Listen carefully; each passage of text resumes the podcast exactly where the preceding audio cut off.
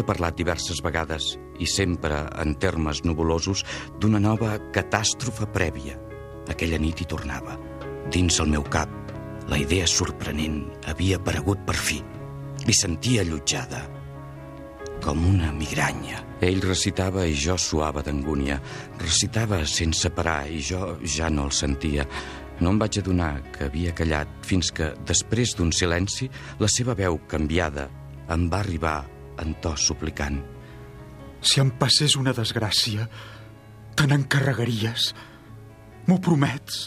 Encarregar-me? De què? Doncs, de publicar-la.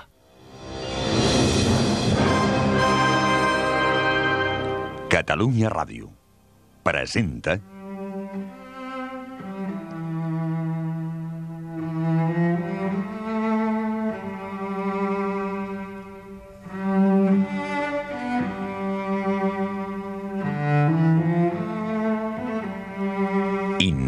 Incerta Glòria, de Joan Sales, en una adaptació lliure per la ràdio d'Oleguer Sarsenedes. Muntatge Ramon Albero. Direcció Juan Germán Schroeder.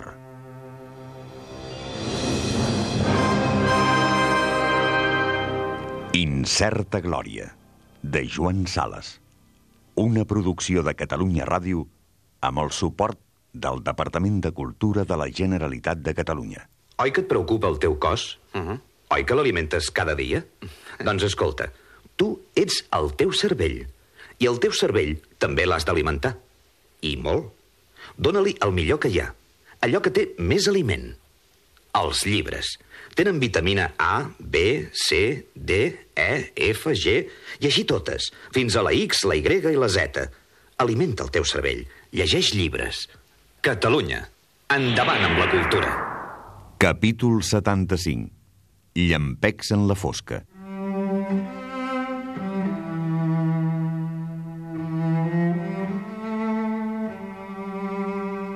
Un dia, entre els personatges de la novel·la d'en La Moneda, en va aparèixer un de nou que jo no coneixia sinó massa.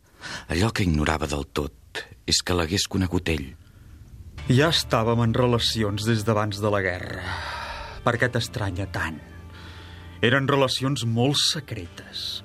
No ens interessava ni a ell ni a nosaltres que traspuessin. No ho havia sospitat mai, oi? D'això es tractava, que no ho sospités ningú. Havíem convingut que després de la catàstrofe prèvia faríem incapacitar el cardenal com a dement i que ell el substituiria. Ja s'ho tenia coll avall, ja es veia amb el capell i la porpra, i havia jurat que renunciaria a la primacia a Peternum per ell i els seus successors. Només que no comptava amb un petit detall. El papa. El papa? No va voler saber res del que teníem convingut. Ni sentir parlar d'incapacitar el cardenal primat. Tot el contrari. El va acollir a Roma, exiliat, amb tots els honors. El papa va morir, però el seu successor no valia gaire més. Si de Pius XI he sospitat alguna vegada que era maçó, de Pius XII he arribat a pensar si, a més de maçó, no era jueu.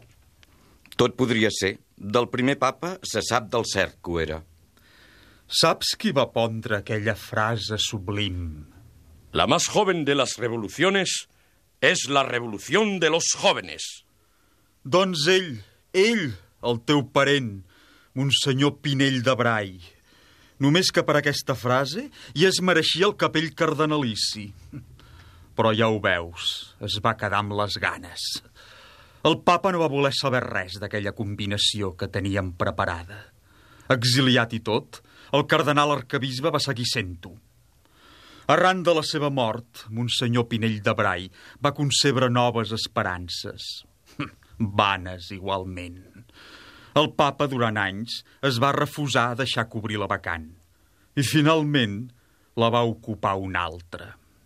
El teu parent no havia de superar mai una decepció tan amarga. És aquest disgust que el va dur a la tomba. Monsenyor Pinell de Brai, el cosí de la tieta, havia mort en efecte feia molts anys, el 1950. Jo l'havia oblidat i vet aquí que ara, en la moneda, me'l tornava a la memòria. La tieta havia mort molts anys després que el seu cosí. La seva darrera malaltia va ser esgarrifosament llarga. Jo la vaig veure diverses vegades. Generalment no donava senyals de reconèixer-me. Però un cop se'n va posar a parlar del papa Joan XXIII i del concili Vaticà II que tenia lloc per aquella època, amb una rancúnia tan concentrada que vaig quedar esborronat.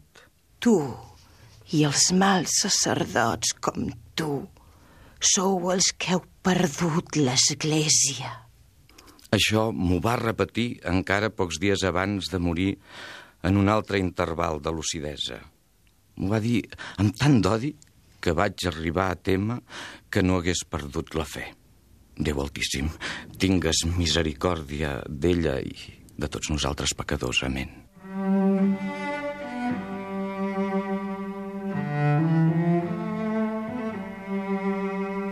Vet aquí, doncs, que en la moneda em tornava a la memòria Monsenyor Pinell de Brai.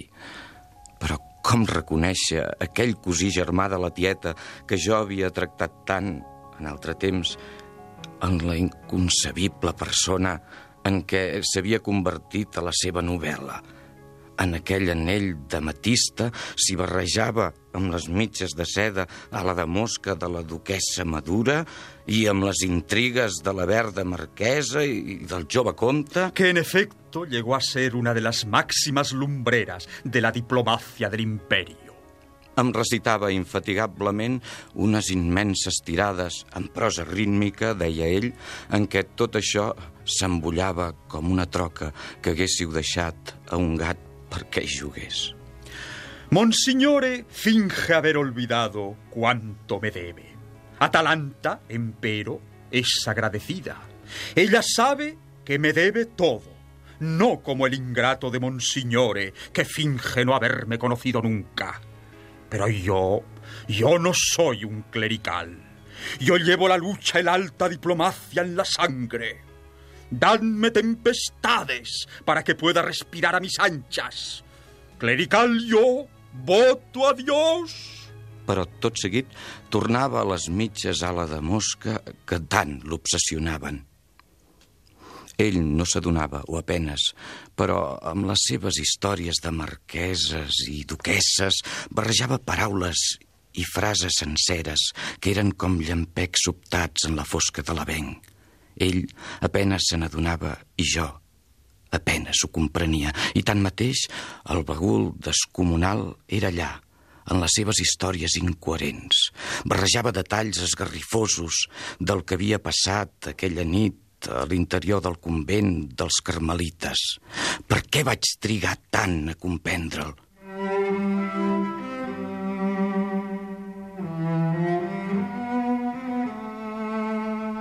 Un vespre, jo arrebondejava, com encara solia fer-ho de vegades en aquella època, al llarg d'aquell carrer, sense urbanitzar, tan ample i tan trist, que vorejava aquell suburbi. Com podem arribar a estimar els llocs on en altre temps hem sofert? Que trista i fada la claror crepuscular en aquell carrer tan llarg, tan moix, tan fangós. I rebondejava l'atzar, com solia fer-ho encara aleshores, pels anys 50, les vegades que baixava a ciutat. Set o vuit noiets van venir corrents a besar-me la mà, contents de tornar-me a veure després de cinc o sis anys, ja no sé quants, perquè eren noiets que ja en tenien 11 o 12 i que en altre temps, quan només en tenien sis o set, havien freqüentat aquelles classes que jo havia organitzat a les barraques, aleshores que era vicari en aquell suburbi. Ells em van reconèixer a mi, i a mi, en canvi, em costava de reconèixer-los a ells. I vet aquí que em van explicar aquella història increïble. Havia desaparegut de casa seva. Era un noiet, el tercer d'una de les famílies més miserables del Barracà, una família que en tenia 12 o 13, 14, i que habitava a la part més baixa, ja en el llit sec del riu. El riu sec, la major part de l'any, pot créixer de sobte i quasi cada setembre inunda les barraques. La gent hi està tan avasada que ja no en fa cas. Els veïns van adonar-se de la seva absència perquè era un noiet de 8 anys, molt enjugassat i sorollós, i no podia passar desapercebut de cap manera. A les preguntes dels veïns, els pares responien que ja havien avisat a l'alcalde. No pas l'alcalde de Barcelona, sinó el de Barri, que era l'amo de la taverna de la cantonada del carrer. Deien també que devia haver fugit per por, que ja havia passat una altra vegada perquè havia trencat tot jugant una cassola de terrissa, que tornaria, segurament, d'ell mateix, com l'altra vegada, quan la fam o el fred l'impulsarien. El van tornar a veure l'alba d'un altre dia plujós, dret vora la carretera, aquella mateixa carretera ampla i fangosa on jo em trobava. S'estava immòbil sota la pluja, incapaç de fer un pas. No tenia ulls. Duia la mà un sobre i no es recordava de res, com si acabés de despertar-se d'un son molt feixuc.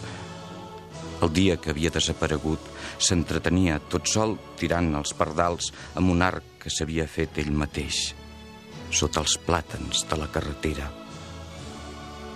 Un gran cotxe s'havia deturat. Uns estrangers li havien demanat per un carrer del barri, l'havien convidat a pujar per guiar-los i ja no es recordava de res més. El sobre que duia a les mans contenia 80 bitllets de mil pessetes.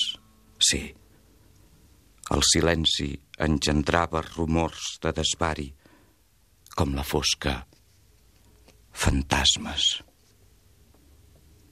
Hi va haver després aquella altra història, la del vicari a qui havien tallat la llengua.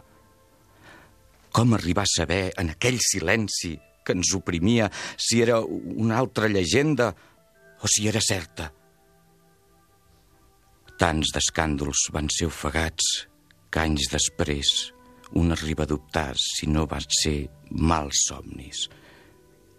És que el vaig somniar, aquell vicari que em feia signes amb la boca oberta,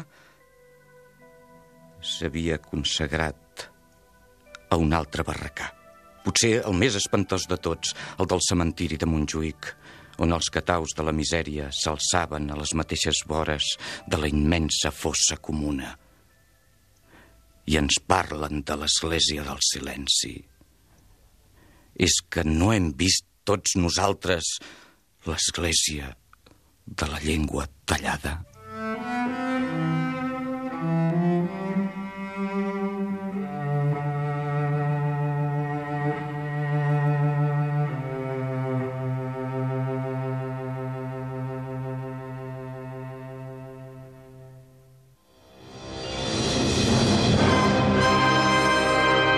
Heu escoltat el capítol 75 d'Incerta Glòria, de Joan Sales, amb les veus de...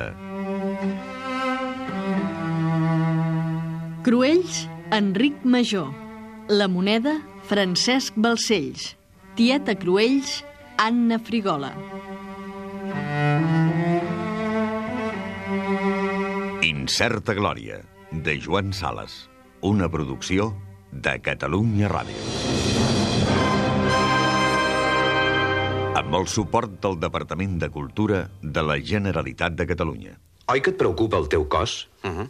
Oi que l'alimentes cada dia? doncs escolta, tu ets el teu cervell. I el teu cervell també l'has d'alimentar. I molt. Dóna-li el millor que hi ha. Allò que té més aliment. Els llibres. Tenen vitamina A, B, C, D, E, F, G, i així totes, fins a la X, la Y i la Z. Alimenta el teu cervell. Llegeix llibres. Catalunya. Endavant amb la cultura.